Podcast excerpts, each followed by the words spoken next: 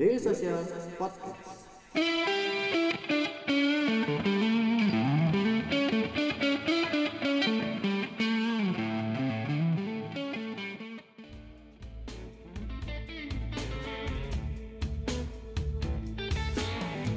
Halo, selamat sore teman-teman dari Social Podcast. Balik lagi di ngobrolin startupnya Daily Social Podcast. Eh, kali ini kita eh, bakal ngebahas lagi nih topik tentang B2B atau business to business yang di mana eh, sudah pernah kita bahas, namun kali ini kita bakal membahas dengan eh, pembahasan yang sedikit berbeda dari yang sudah-sudah gitu. Nah, sebelum dari itu Eh, kebetulan sore ini kita kedatangan tamu dari lalali.com yakni Mas Alexander Lukman ya Mas ya. Mas Alexander Lukman ini sebagai Chief Operating Oh. Chief Operating dari lalali.com. Halo, apa kabar Mas? Nah, kabar baik, terima kasih nih Mas. Hmm. Nah Mas, ada beberapa pertanyaan yang nanti akan saya ajukan, kita ngobrolin aja karena memang eh, dari Social Podcast ini ngobrolin startup ini lebih ke memberikan informasi buat teman-teman di luar sana Benar. dan juga mengedukasi teman-teman di luar sana untuk eh, banyak tem- pendengar dari kita yang eh, yang baru mau ngebangun startup, terus ada juga pelaku-pelaku eh, startup yang sudah sedang berkembang bahkan sudah berkembang gitu seperti itu. Jadi eh, nanti pertanyaan-pertanyaan saya mungkin bisa dijelaskan lebih detail oleh Mas eh, Lukman ya. Saya manggilnya Mas Lukman aja silakan, Mas ya. Silakan Mas. Ya, itu. Mungkin ke pertanyaan yang pertama, Mas. Eh, sejauh mana sih Mas perkembangan B2B di Indonesia ini, Mas? Nah, kalau kita bicara tentang perkembangan B2B Indonesia, tentu Mhm. saja kita melihat bahwa pada saat ini ke mana pun mata memandang, kalau kita pergi ke bioskop atau kita melihat iklan-iklan di TV, Betul. kita melihat bahwa saat ini adalah eranya B2C atau C2C. Ya, betul. di mana era B2C atau C2C ini akan segera diikuti oleh perkembangan B2B. Ya. Jadi kalau boleh saya sampaikan, memang B2C atau C2C sedang menuju puncak di dalam siklus industri mereka Oke. Yang akan segera diikuti oleh B2B. Oke. Di mana B2B itu boleh dibilang sekarang ada di pertengahan menuju puncak eh, siklus industri. Oke. Nah, tebakan kami di Ralali proyeksinya sekitar dua atau tiga tahun lagi kami akan menjadi seperti B2C dan C2C sekarang. Oke. Terus ada anggapan bahwasannya dunia bisnis B2B di Indonesia ini masih hijau. Apakah Mas Lukman selaku pelaku di bisnis B2B di Indonesia ini sepakat dengan kata itu? Kalau kita bicara tentang hijau, Hmm. itu mungkin bisa benar bisa tidak ya. Oke. Jadi kalau kita bicara tentang kota-kota besar di Indonesia seperti Jakarta, Jabodetabek, kemudian Jawa Barat, Jawa Timur, Jawa Hmm. Tengah, eh, Bali, eh, kemudian kalau kita bicara tentang Kalimantan Timur atau Sumatera Selatan dan beberapa daerah lainnya, mereka sudah sangat advance di dalam penggunaan smartphone dan Oke. juga di dalam untuk penetrasi digitalnya. Hmm. Sehingga eh, dari daerah-daerah inilah di ralali.com kami menemukan konsumer-konsumer kami. Oke. Dan kalau kami melihat pattern dan behavior dari mereka, Hmm. mereka tuh sudah cukup eh, savvy di dalam menggunakan internet untuk memenuhi kebutuhan bisnis mereka. Oke. Jadi boleh dikatakan tidak selamanya benar, namun eh, apa ya? Bisa dikatakan Masih mix ya, masih Mas. ya? mix Mungkin masih Oke. mix ya kalau kita ngobrol. Hmm. Mungkin itu masih mix tergantung daerahnya. Oke. Beberapa daerah itu lebih maju daripada yang lain, Hmm. tapi bukan berarti bahwa daerah-daerah yang lain juga tidak bisa mengejar ketinggalan. Hmm, Oke. Kalau kayak gitu. Eh tadi berbicara tentang sudah banyak eh, konsumen-konsumen di beberapa daerah yang eh, Iya. Mas Lukman katakan. Nah, sekarang yang mau saya tanyakan adalah bagaimana sih Mas karakteristik konsumen dan pola konsumsi konsumen di, da- di dalam dunia B2B saat ini, Mas? Nah, kalau kita bicara tentang saya nggak apa-apa ya Ya, bicara nggak tentang apa-apa. B2C dan C2C, biasanya orang tuh berbelanja karena impuls. Oke. Ada sale, ada diskon, ada gratis ongkir. Hmm. Kemudian orang berbondong-bondong untuk berbelanja, Hmm. me- mencari kebutuhan atau bukan kebutuhan tapi keinginan Ya, di sana. Haus mata aja. ya, Haus Mas? mata ya. Tapi kalau kita bicara tentang bisnis, Hmm. saya di kantor eh, butuh untuk berbelanja misalnya kopi atau misalnya barang-barang kecil. Hmm. Saya minta OB saya untuk membelikan. Hmm. Dia pergi ke mart terdekat. Hmm. Nah, yang dilakukan oleh OB saya adalah dia langsung membeli barang yang saya minta, Hmm. bayar dikasih terus langsung pulang pas. Iya, betul. Jadi dari sisi behavior kalau di B2C dan C2C orang suka browsing, orang Hmm. sukanya surfing. Iya, betul. Tapi kalau di B2B kami melihat bahwa orang itu akan mencari kebutuhannya apa, Hmm. mendapatkan kebutuhan tersebut dan segera menyelesaikan transaksinya. Oke. Begitu sih mas. Ah. Jadi itu satu eh, perbedaan dari sisi behavior. Oke. Yang kedua kemudian kalau kita bicara tentang behavior di B2B dan B2C, katakanlah saya beli satu baju Hmm. dan misalnya katakanlah jahitannya kurang sempurna gitu ya Iya, mas betul. ya. Tapi saya bilang ya udah deh karena saya cuma beli satu dan jahitannya kurang sempurna tapi siapa juga yang lihat dan saya bisa juga benerin sebentar nggak ada masalah. Ya. Tapi ketika kita bicara tentang bisnis, em, katakanlah saya bisnis eh, jualan baju, Hmm. saya beli baju satu kodi 20 pieces dan saya melihat bahwa semuanya benangnya lepas, Iya. nah itu menjadi masalah besar buat saya. Oke. Sehingga saya akan mengembalikan barang Iya, tersebut dan iya. komplain, Komplain, begitu. iya, betul. Jadi sehingga behaviornya satu berdasarkan impuls, Hmm. di di satu sisi berdasarkan trust, di Hmm. satu sisi berdasarkan eh, keinginan browsing atau keinginan surfing atau dalam tanda petik shopping untuk rekreasi. Iya. Di satu sisi lagi adalah shopping untuk kebutuhan bisnis. Oke. Dan di satu sisi pemilihannya lebih subjektif kepada selera masing-masing Iya. orang.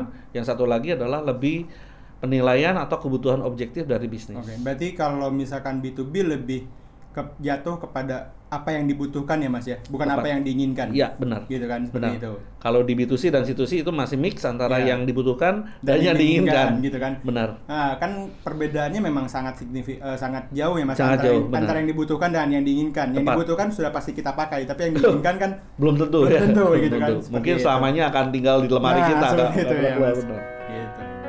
Dek, ngobrol yuk. Ngobrolin apa bang? Ngobrolin startup bareng media sosial.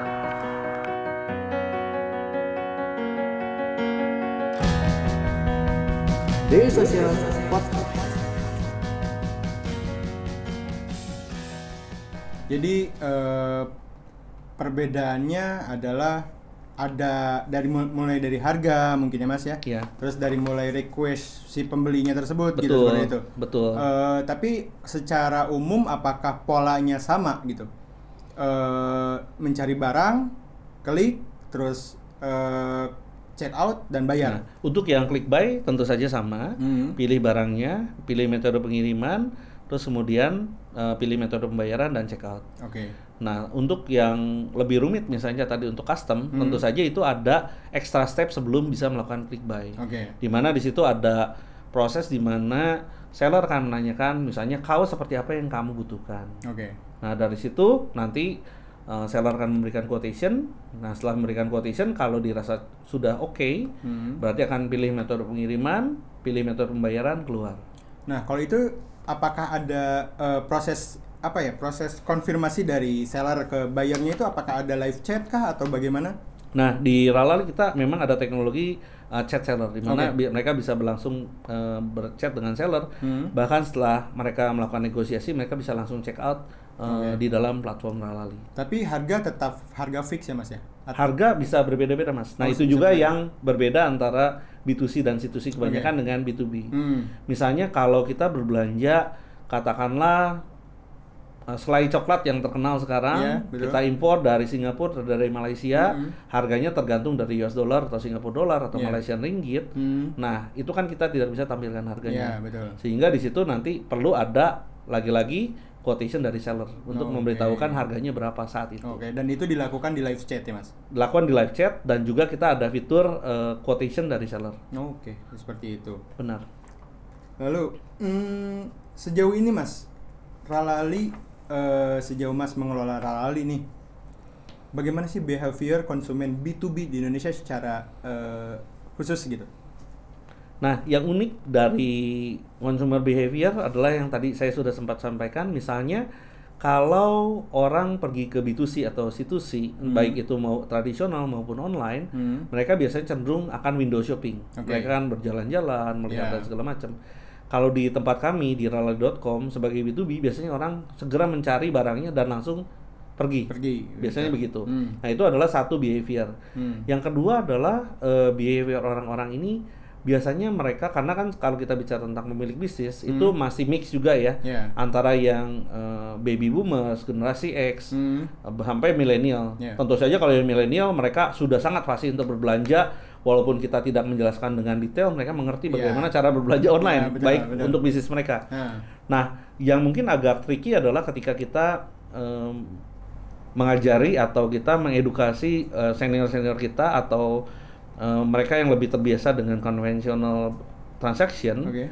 itu bagaimana untuk berbelanja online. Hmm. Nah, di mana di sini kami mengedukasi market Hmm. Ya di mana ki- kami mengedukasi market mengajari mereka bagaimana step by step untuk bisa berbelanja melalui aplikasi maupun melalui website. Oke. Nah, ini biasanya kami sampaikan melalui eh, apa? eh, acquisition team kami. Hmm. Kami sampaikan juga melalui seminar-seminar Hmm. maupun melalui em, portal kami di mana di situ ada frequently asked question di sana. Oke.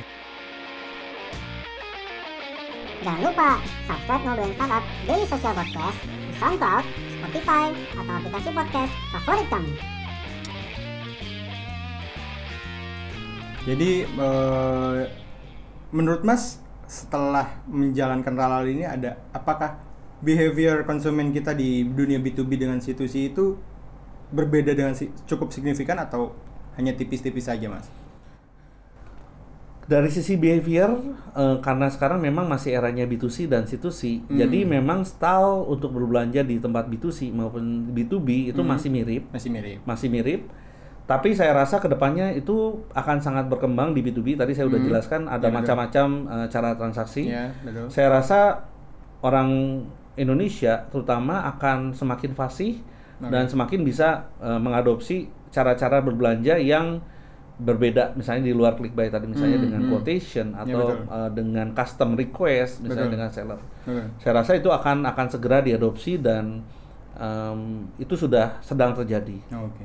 Nah, eh, saya pernah mendengar bahwasanya di dunia B2B juga eh, ada sekarang yang namanya e-procurement ya, Mas ya. Benar. Pengadaan barang jasa gitu kan Benar. seperti itu. Benar. Nah, eh, dan eh, yang pernah saya baca tentang e-procurement itu memang eh, apa ya? Step by stepnya cukup sulit nih mas, Benar. gitu dalam me- me- melakukan decision ma- makingnya, terus Iya. eh, apa ya ACC ACC-nya gitu seperti Benar. itu kan ada berbagai tahap yang harus dilewati. Benar. Nah, untuk di Dalali di- eh, sendiri nih setelah misalkan Mas eh, Lukman ini menjalankan Ralali sejauh ini yang sudah di- eh, dijalankan oleh Ralali sejauh mana eh, selama apakah decision make- making yang dilakukan oleh konsumen di Ralali? Oke, nah dari sisi rally memang ketika kami membuat bisnis model kami, kami Hmm. memang mengutamakan lebih usaha mikro, kecil dan menengah. Oke. Sehingga kalau kita melihat behavior mereka, mereka itu berbelanja biasanya tidak melalui procurement department. Oke. Karena mereka bukan karena nggak mau, Ya. karena mereka belum sanggup Belum untuk sanggup, punya ya. divisi pengadaan atau Ah. departemen pengadaan sendiri. Hmm. Nah, sehingga ketika mereka berbelanja, saya punya warung Tegal atau saya punya salon atau saya Hmm. punya bengkel, mereka nggak akan melalui divisi procurement. Mungkin ownernya langsung berbelanja ya, gitu di betul, relay sehingga decision makingnya sangat cepat karena Oke. mereka pertama ownernya, Hmm. mereka ada decision makernya Oke. dan mereka sudah tahu apa yang mereka butuhkan gitu. Oke, Jadi mereka bisa langsung berbelanja.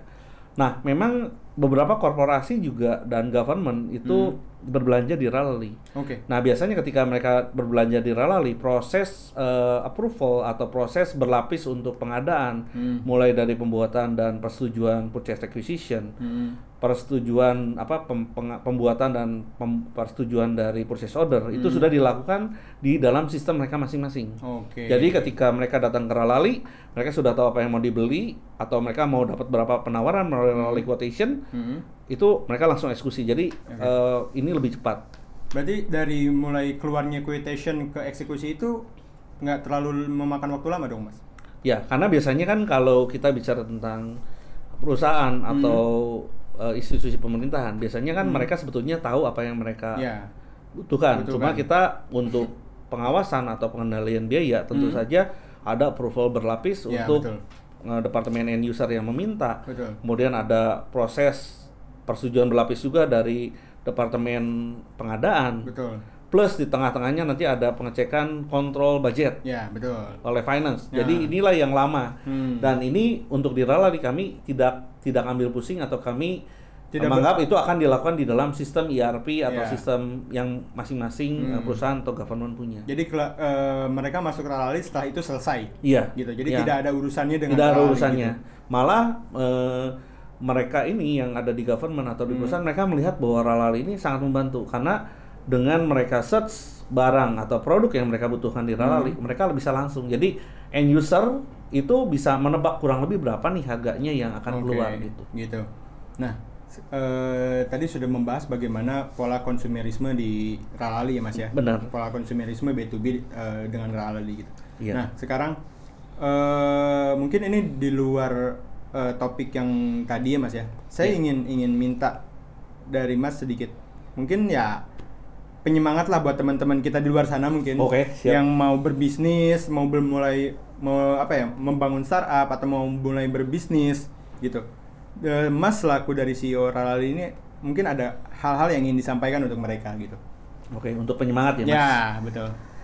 Nah, mungkin saya mengusulkan buat teman-teman sama seperti yang kami lakukan di Ralali, Hmm. kami selalu percaya bahwa kalau ada dua tipe orang yang bermimpi katanya menurut Oke. pepatah. Ada orang yang bermimpi di malam hari, nah itu sih nggak ke mana-mana. Mm-mm, di kasur Karena aja, cuma di kasur aja Iya, katanya. betul. Jangan pernah berhenti bermimpi, tetap apa lanjutkan tidurmu katanya Ah, gitu ya. itu. Nah, tapi ada orang-orang yang bermimpi di siang bolong. Mm-mm. Nah, orang-orang yang bermimpi di siang bolong itu dia take action dan akan mencapai mimpinya. Oke. Nah, kami di kami punya mimpi, kami punya cita-cita besar untuk diri kami sendiri. Kami punya cita-cita besar buat ekonomi Indonesia, buat membantu UMKM di Indonesia. Oke. Nah, walaupun berat, walaupun sulit, setiap hari kami ingat bahwa kami punya cita-cita besar. Oke. Nah, teman-teman ketika punya cita-cita, selalu ingat cita-citanya. Hmm. Ada banyak gunung, ada banyak lembah yang harus di, didaki, ada banyak laut yang harus diseberangi, tapi jangan menyerah. Oke.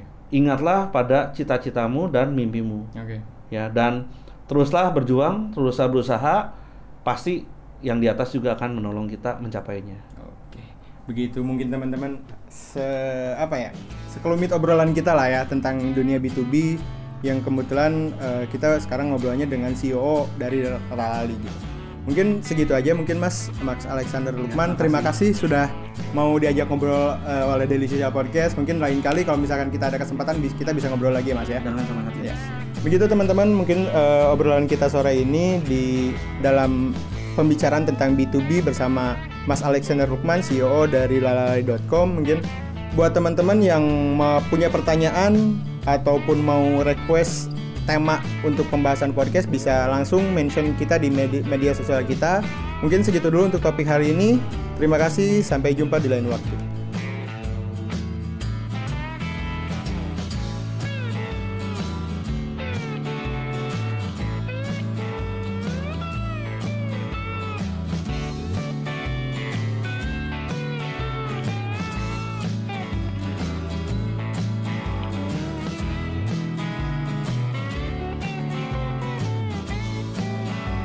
Terus keep in touch bersama kita di dailysocial.id untuk website kita. Di Facebook kita ada dailysocial.id, di Twitter kita ada @dailysocial dan di Instagram kita ada @dailysocial.id. Di LinkedIn kita ada Daily Social dan di YouTube kita ada Daily Social.